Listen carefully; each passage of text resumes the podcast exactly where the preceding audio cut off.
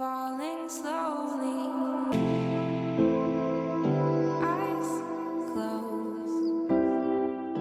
Du lytter til Sygt Stærk. Et podcast om at være ung, syg og virkelig badass. Mit navn er Sofie Riese Nors. Du kender mig nok som tegneserieskaber og feminist, men jeg er faktisk også kronisk syg. I december 2020 bliver jeg diagnostiseret med den sjældne tumor desmoid fibromatose, en såkaldt borderline-tumor, hverken god eller ondartet. Men den kan ikke opereres ud, og derfor er jeg nu i kemoterapi. I dagens afsnit får jeg besøg af den 24-årige film- og medievidenskabsstuderende Laura Ågaard Sørensen, og sammen skal vi tale om kærlighed. For to år siden møder Laura sin kæreste.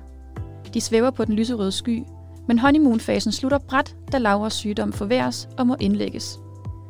Laura lider af colitis ulcerose, og som følge af en alvorlig betændelse i tyktarmen, får hun stomi. Og jeg talte også med en af mine venner for et par uger siden, hvor han var sådan, når man Laura, altså hvis du nu var single og var på Tinder, ville du så ikke skrive, at, øh, at du havde stomi? Jeg kan bare huske, at jeg kiggede på ham og tænkte, altså det tror jeg ikke, jeg ville. Fordi, altså godt nok, så er det jo noget, jeg har, og noget, der fylder, men jeg vil jo heller ikke have, at det bare skal være det folk, de ser, når at, øh, de sådan swiper mig til højre eller venstre. At, øh, at det så skulle være, nå okay, når hende her med stomi, mm, eller ved, agtigt. Hej, Laura Ågaard Sørensen, og velkommen til Sygt Stærk. Hej Sofie, mange tak. Hvis du lige hurtigt skal forklare helt enkelt, hvad stomi er, hvad er det så? Jamen, så er det i hvert fald i mit tilfælde et stykke af min tarm, der stikker ud af min mave, og så er det der, jeg laver lort igennem, i stedet for ud af numsen.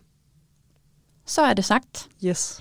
Nogen de kender dig måske fra TikTok under Jetheader, hvor du med dine videoer nedbryder tabu omkring at have stomi.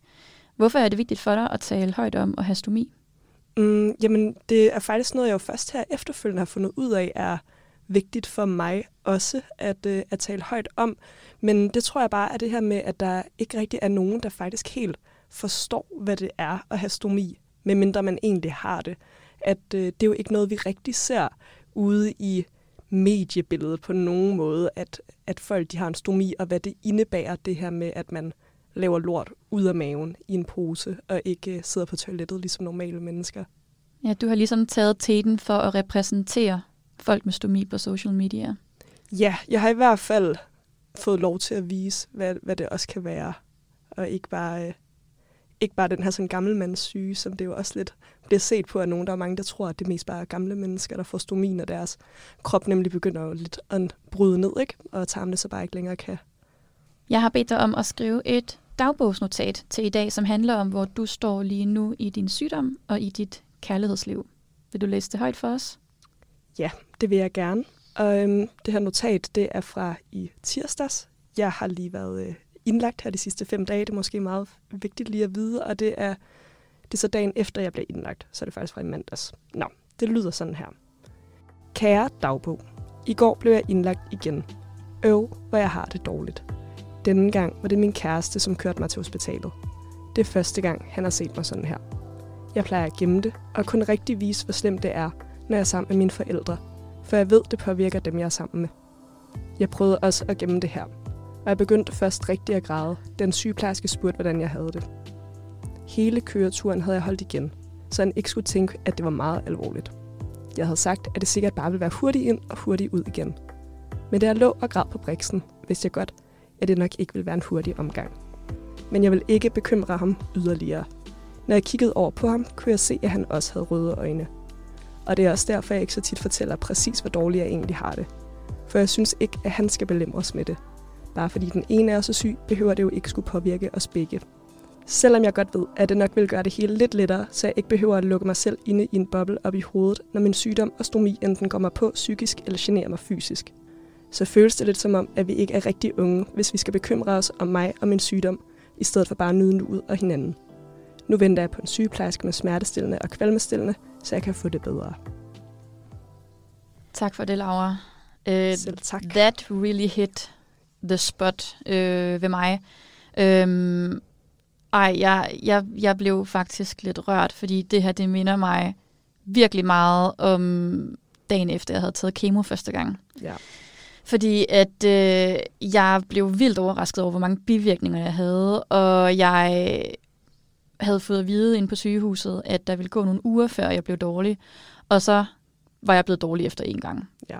Og jeg lå bare derhjemme og svedte og havde vildt meget kvalme og rendte på toilettet hele tiden. Og så ringede jeg til min kæreste, som skulle komme senere og passe mig. Øhm, og fortalte ham, hvordan jeg havde det, og hvor chokeret jeg var, og jeg begyndte at græde, og jeg begyndte at græde virkelig meget. Ja. Og så kunne jeg bare høre, at han også græd.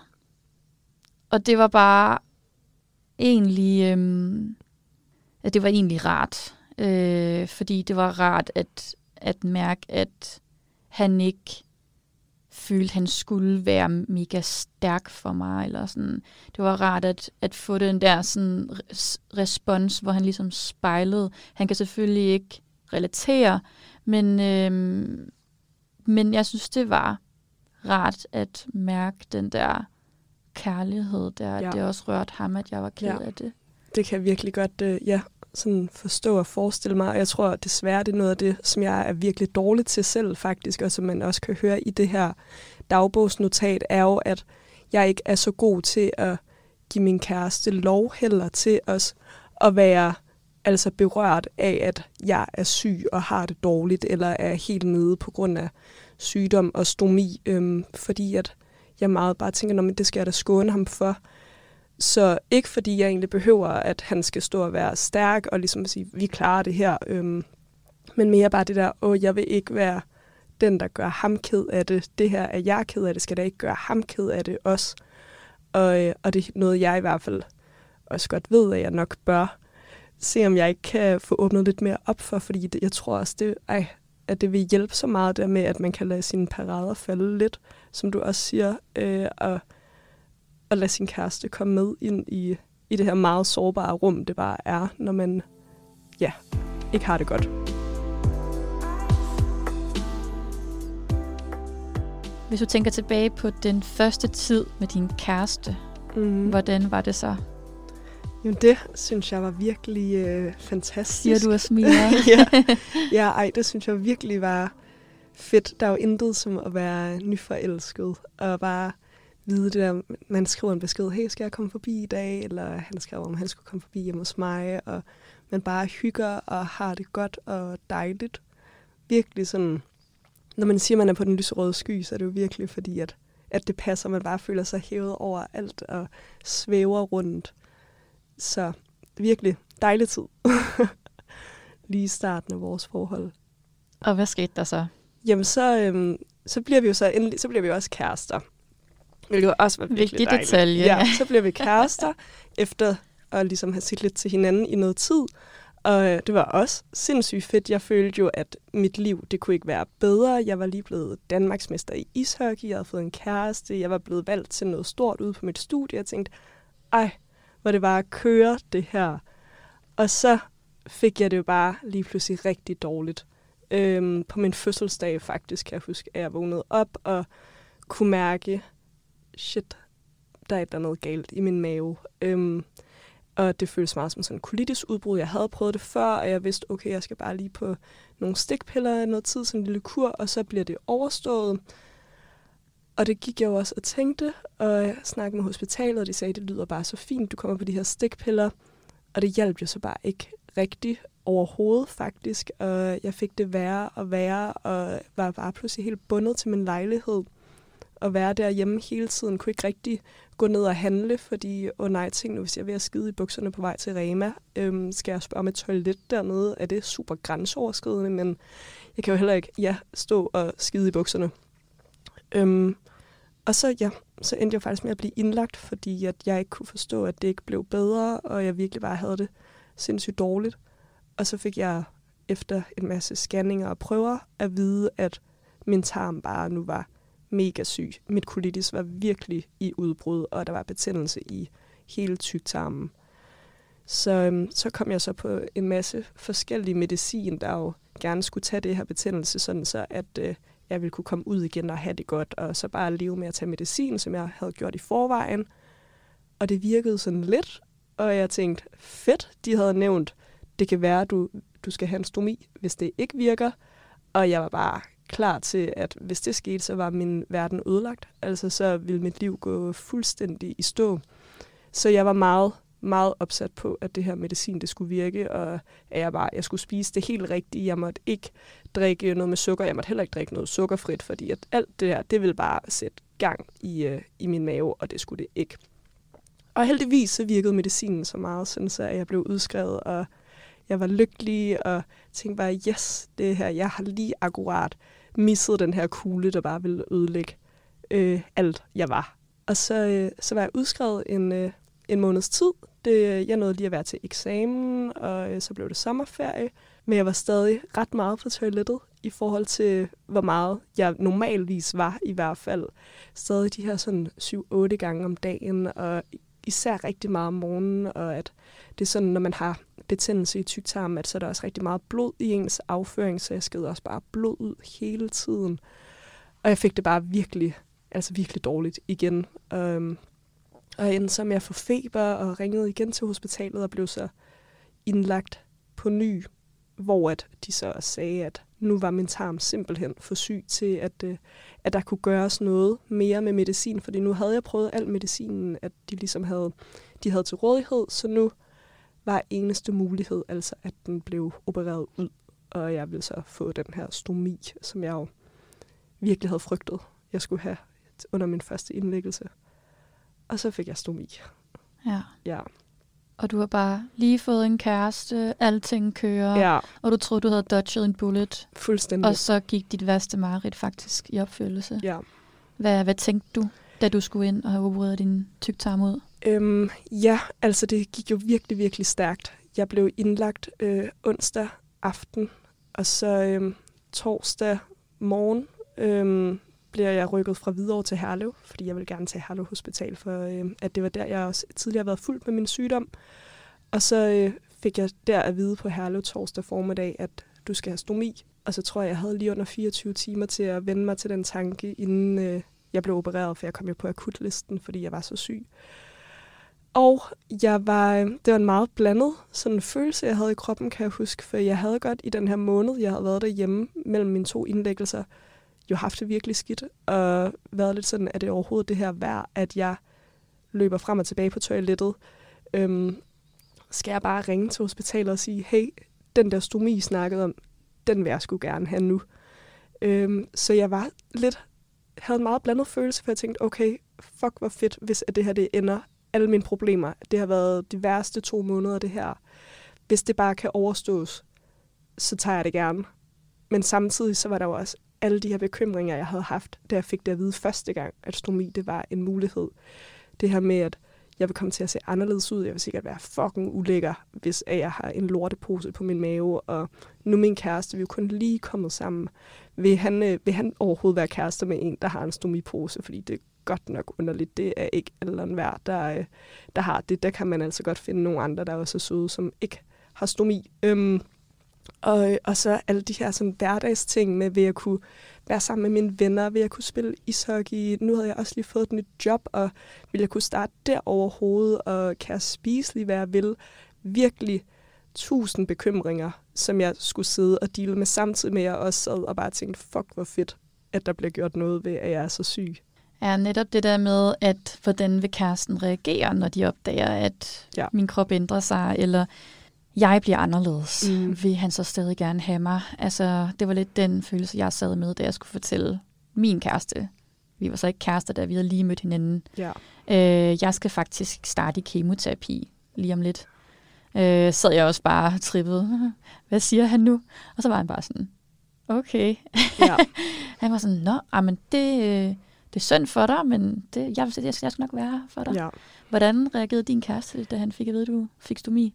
Øhm, ja, meget samme øh, reaktion nok egentlig, at han var jo selvfølgelig mega berørt over, at det også gik mig så meget på. Og, øhm, og det var nok faktisk egentlig det, der nok fyldte mest af, hvad han i hvert fald har givet udtryk for. Det var jo det her med, at han kunne se, hvor ked af det det jo også egentlig gjorde mig, at jeg skulle øh, have stomi, og hvordan det ville ændre mit liv, at det her, jeg nu forestillede mig.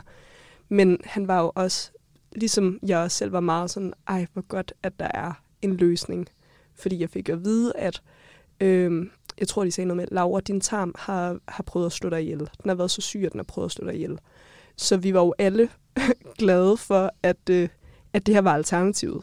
At jeg fik en stomi, og jeg så ikke øh, lå for død.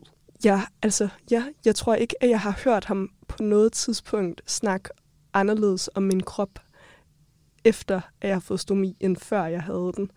Øh, hvilket jo er virkelig nice. altså virkelig radio, når det er noget, at man selv godt kan gå og tænke på, på en eller anden måde. Hvis jeg må stille et lidt personligt spørgsmål. Øhm, hvordan havde du det sådan første gang, han skulle se dig uden tøj på, efter du blev udskrevet? Jeg tror, jeg var sådan lidt det her med, at øh, man lige skal tage sådan håndklædet af, hvis jeg nu har været i bad og sådan noget, fordi at min krop jo også på de her tre måneder, jeg har været syg, havde ændret sig sindssygt meget. Jeg var jo virkelig syg, jeg havde tabt mig øh, 12 kilo agtig og så lige pludselig også havde den her pose, at jeg kan godt huske, at jeg krummede min ryg lidt mere, sådan ulig dækkede maven lidt ekstra, og skyndte sig at få en, øh, en t-shirt på, sådan så at man ikke kunne se den del af min krop mere i hvert fald. Det var lidt, lidt udfordrende, lidt grænseoverskridende, på trods af, at jeg jo egentlig godt vidste, at jeg, sådan, jeg var et sikkert sted, og at, at der ikke ville blive kigget skævt på min krop heller. Altså slet ikke af, af en, man ligesom øh, stoler så meget på. Det er jo selvfølgelig noget andet, end hvis man havde været ude i offentligheden. Så, øh, men alligevel kunne jeg da godt mærke, at jeg var sådan lidt, okay, jeg tror lige, jeg sådan gemmer en lille smule min højre side af maven. Og det var så lige da du fik din stomi, og nu er det ved at være halvandet år siden. Har dit syn på din krop ændret sig? Mm, ja, altså det tror jeg i hvert fald, at, øh, at det har. Jeg synes ikke, at jeg føler, at jeg skal gemme det på samme måde. Altså det har jeg jo heller ikke, synes jeg jo heller ikke rigtigt dengang. Jeg tror bare, at der var så meget, jeg skulle vende mig til i det selv også. At nu kan jeg i hvert fald sagtens gå rundt øh, med bare mave. Øhm, og at både min kæreste eller venner eller fremmede kan se, at jeg har ar eller jeg har en stomi. At i det her med, at jeg heller ikke længere føler mig så svag, som jeg netop også gjorde på det her tidspunkt, også lidt får en til, eller i hvert fald har fået mig til lidt også at ranke ryggen, når jeg ikke har så meget tøj på heller, at vide, at det er faktisk bare et vilkår. Det er jo ikke noget, der fylder, det fylder jo ikke hele mig, at jeg har en, en stomi, så hvorfor skal det gøre det i min udstråling?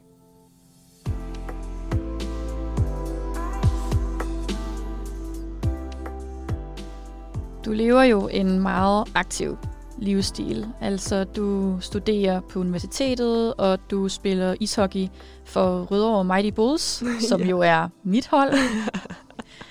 er der noget, du ikke kan med stomi? Med stomi?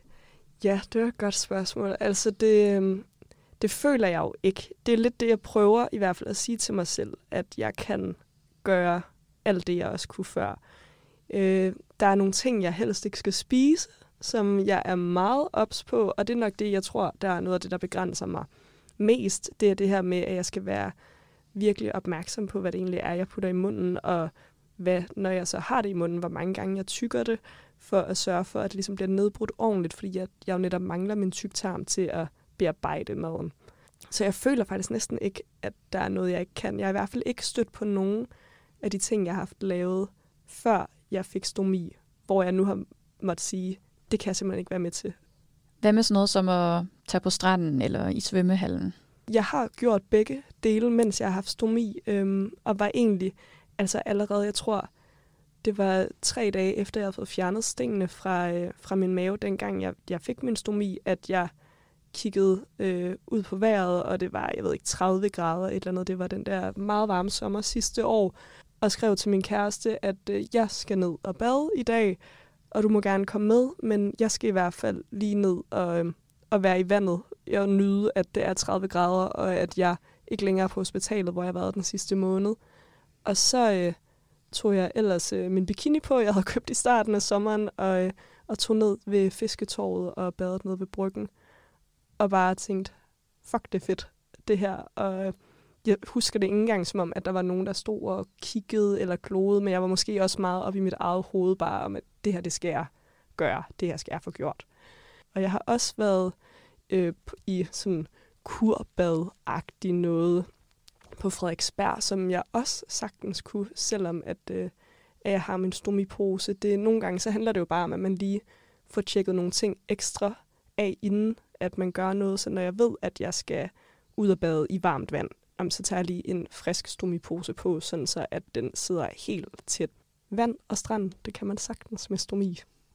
Har du set det der afsnit af Kloven, hvor Frank han øh, skubber en pige i en pool til en studenterfest? Ja, det har jeg godt set. Ja, hvad er, din, hvad er dine tanker om den scene? Ja, det er faktisk, altså jeg har haft hørt om afsnittet, inden jeg fik stomi. Jeg har aldrig været øh, den store klovnseer, men jeg har haft hørt om afsnittet, og jeg kan huske min, øh, min kæreste og hans ene roomie, de havde talt om det, og jeg tror faktisk, måske var det var tre måneder inden, at jeg endte med at få stomi, og de havde grint lidt af den her scene, og været sådan lidt hø, hø, hø, og hvor jeg bare tænkte, ej gutter, tag jer Hvor, hvor, sammen." hendes, altså, hvor hendes afføring jo flyder ud i poolen. Ja, lige præcis. Øh, til det her studentergilde. Og de, øh, og de har ligesom gjort lidt grin med det, og jeg har tænkt sådan, ej, nu stop dog med det, agtigt. Og så får jeg så stomi, buff, og hvor det første, jeg jo netop også tænker, er, shit, min kæreste, han grinede det her for tre måneder siden sammen med sin roomie.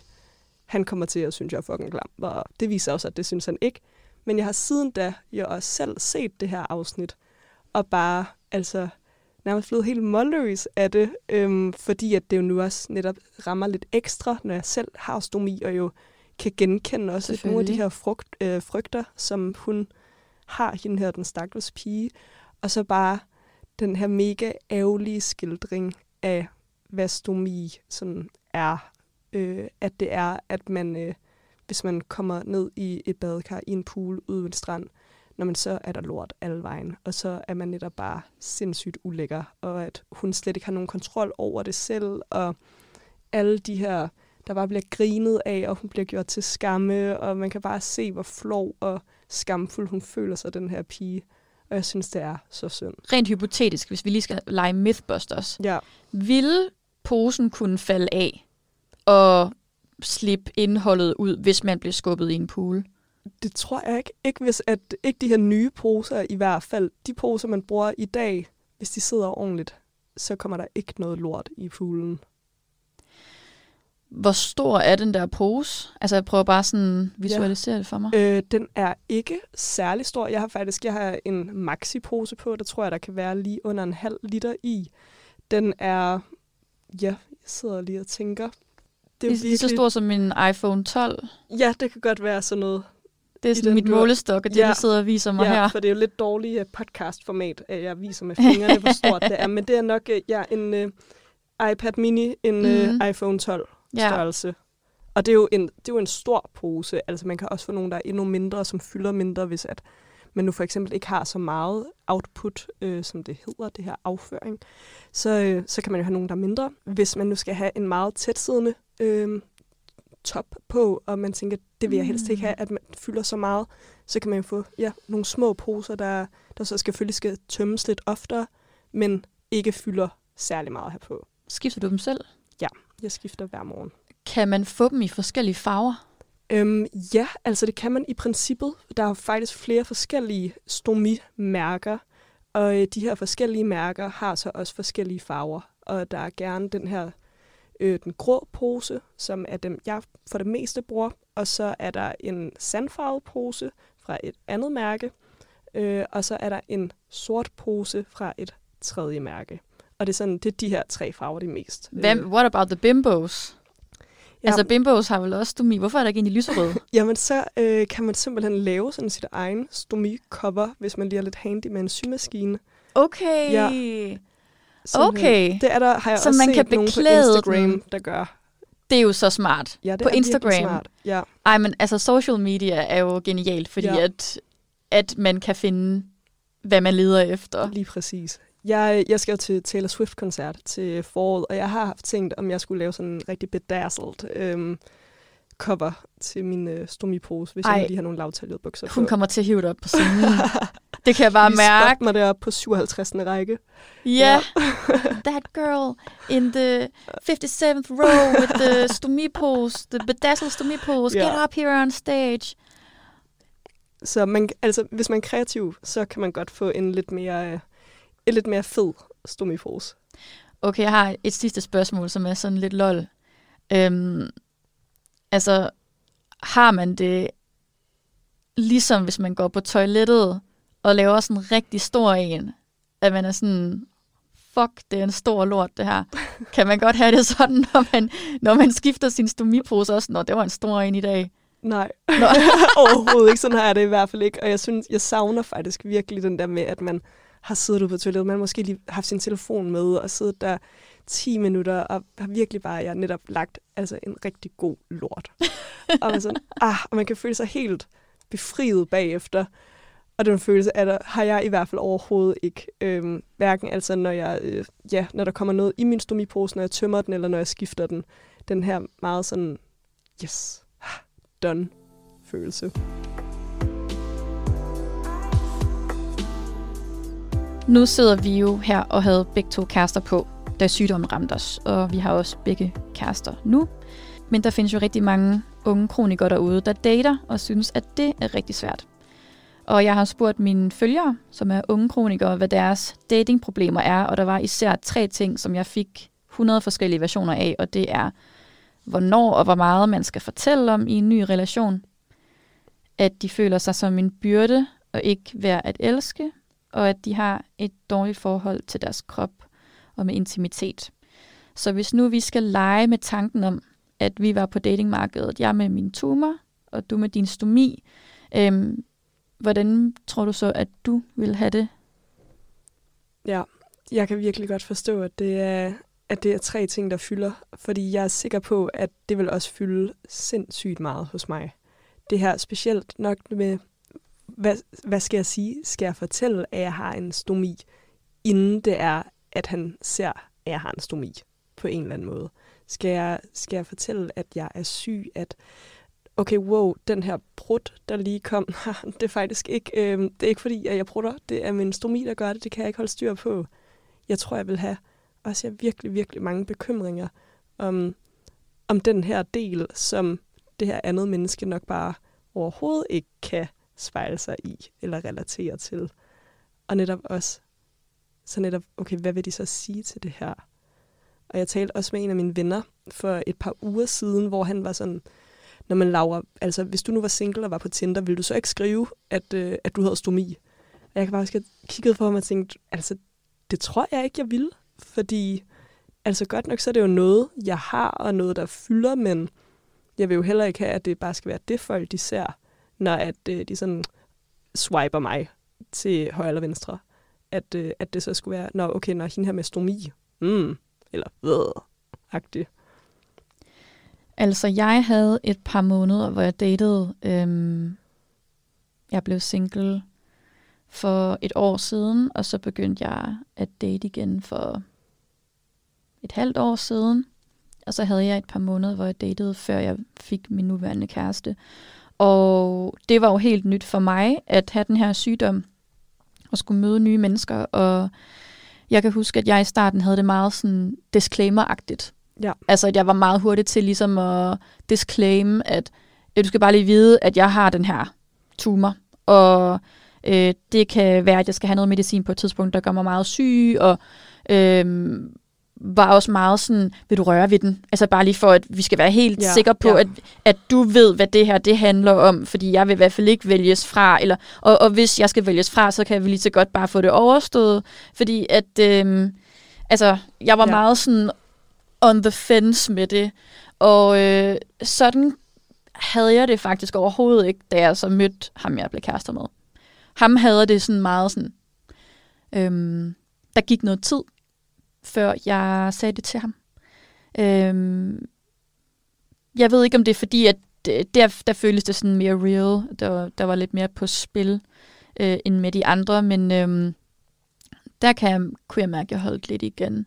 Og til dem, der ikke ved, hvornår de skal introducere deres sygdom, og hvor meget de skal fortælle, øh, så på den ene side, så synes jeg, jeg synes, at man skal own det og sige det, hvis man har lyst. Men hvis det kommer fra et sted, hvor man nærmest føler, at man skal deklarere fejl og mangler, Ja. inden man går videre, øh, så vil jeg bare sige, at det, det synes jeg ikke, at man behøver. Netop også, som du siger, altså hvis du var på Tinder, lige, lige deklarere fejl og mangler, Mm. jeg har en stomi, Ja. så gør man det jo også virkelig til ens identitet. Ja. Og det er virkelig også noget, jeg har skulle bakse meget med, ikke kun i forhold til sådan kærlighed, men generelt det der med, at jeg er ikke min sygdom. Jeg er Sofie, og jeg har en karriere, og jeg har humor, og jeg har interesser, og min sygdom er sådan et sidespor, eller sådan et parallelt øh, spor, mit liv kører i, men det er et spor, jeg hopper frem og tilbage mellem, og det er hovedsporet, jeg befinder mig på det meste af tiden. Men det er selvfølgelig sådan lidt en, det er noget brain gymnastics, man skal lave der, og pendle frem og tilbage mellem de to spor der.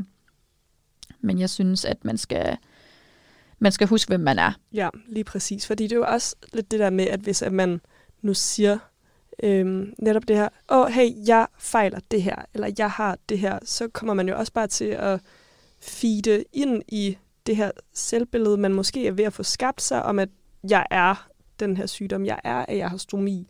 Øhm, og så netop også bare få lagt mega meget energi i det, både over for sig selv, men for også den her partner til at være sådan, åh oh ja, hun har jo, er jo det her. Og bare i stedet for netop at lige være sådan, nå men, hun er faktisk også et menneske, øh, og en person, og ikke bare syg og dårlig, selvom at det selvfølgelig også er noget, der er der. Du sagde noget til mig i telefonen forud for den her optagelse, som virkelig fik mig til at tænke.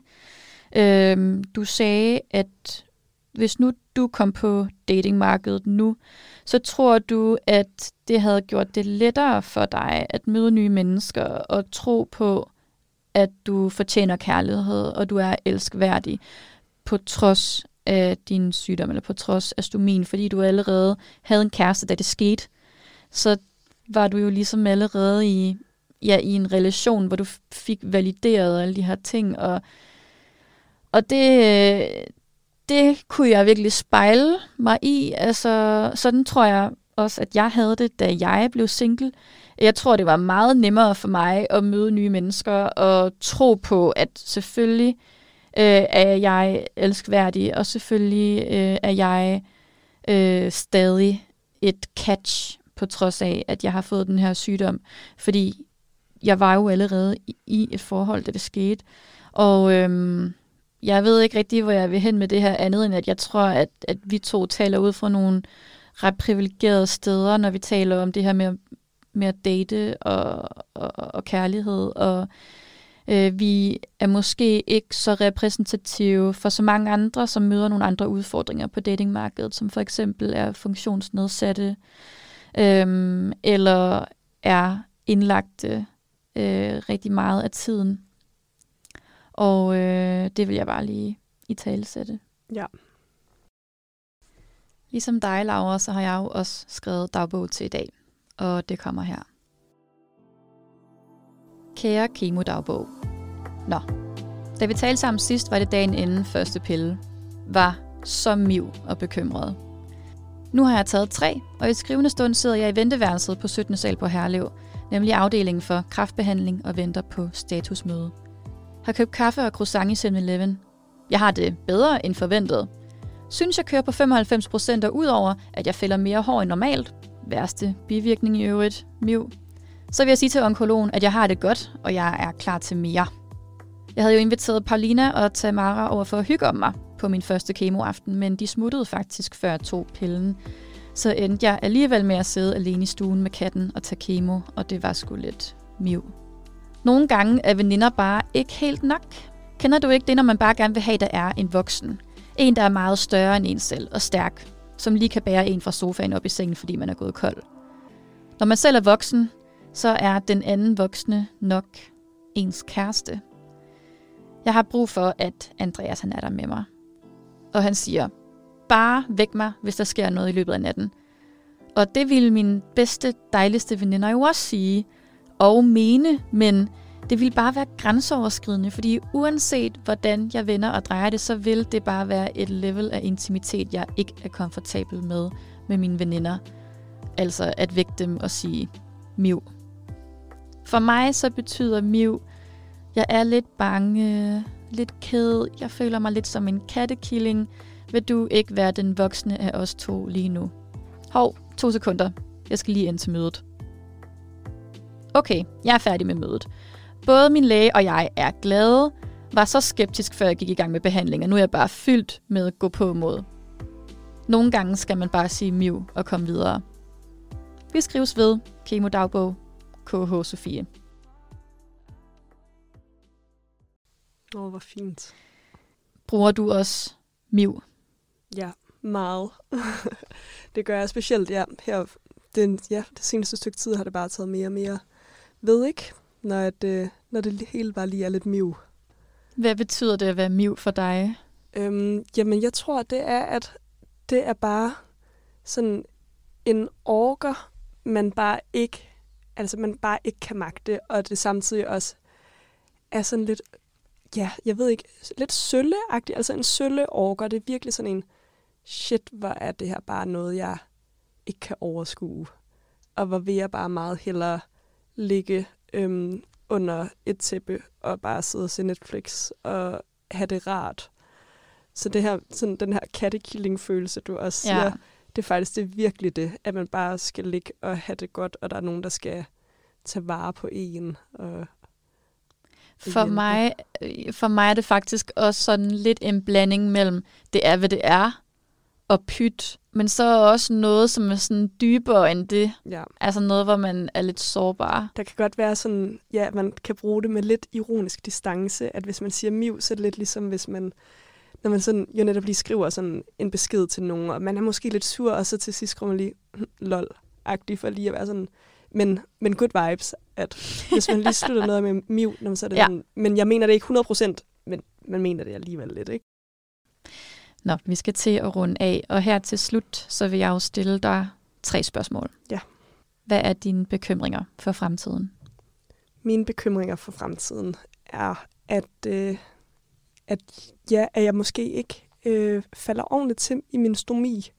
100% at der bliver ved med at være små ting, der lige øh, gør, at jeg ikke kan leve normalt. Nu har jeg jo lige været indlagt her fem dage, hvor jeg ellers faktisk tænkte, I'm back. Jeg spillede min første ishockeykamp i lørdags, og endte så om natten på hospitalet. Ikke? Jeg havde tænkt, det her det skulle ellers være, nu viser jeg mig selv og min krop og alle andre, at jeg er fuldstændig tilbage, for så lige at blive revet ned igen. Jeg er meget nervøs for, at det er, at det er noget, der bliver ved med hver halve år, at jeg ryger ind og lige er på hospitalet i en uge, og ikke ved, hvad der sker.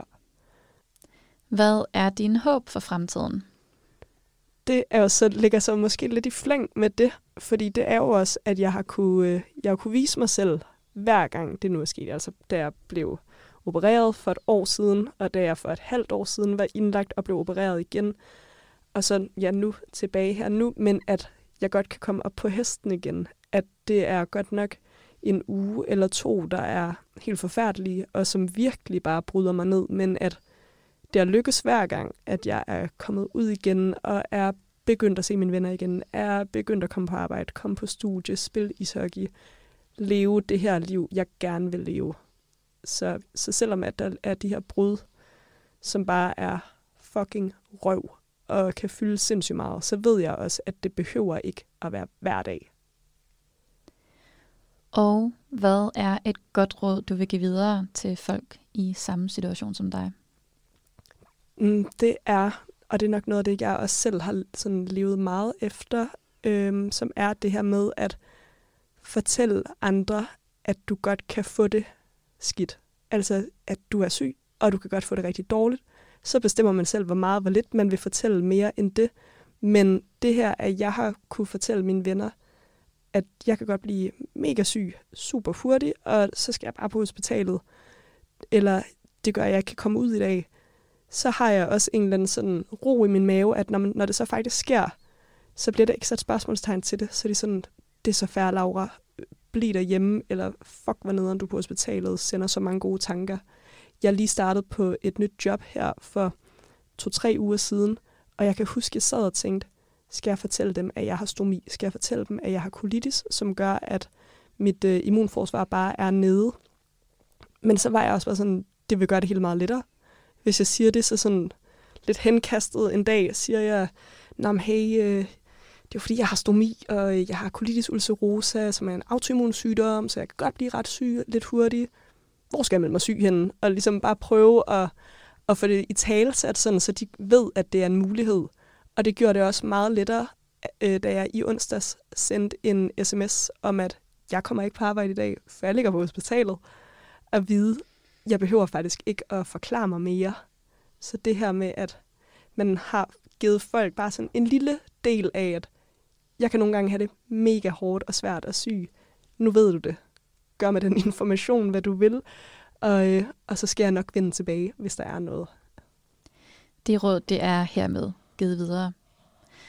Laura Ågaard Sørensen, tusind tak for dit besøg her i Sygt Stærk Podcast. Selv tak. Tak fordi jeg måtte være her. Jamen, glæden er helt på min side. Du kan følge Laura på TikTok under Jetheader. Du kan følge mig, Sofie Risa Nors, på Instagram under Sofie Risa Nors. Er du en ung kroniker mellem 12 og 24 år, der savner et ungefællesskab, så bliv en del af Sygt Stærk. Her kan du møde andre unge kronikere til sociale arrangementer, tage på sommerhusture og få et community med ligesindede. Det er helt gratis. Du har lyttet til Sygt Stærk. Tak for i dag. Vi lyttes ved.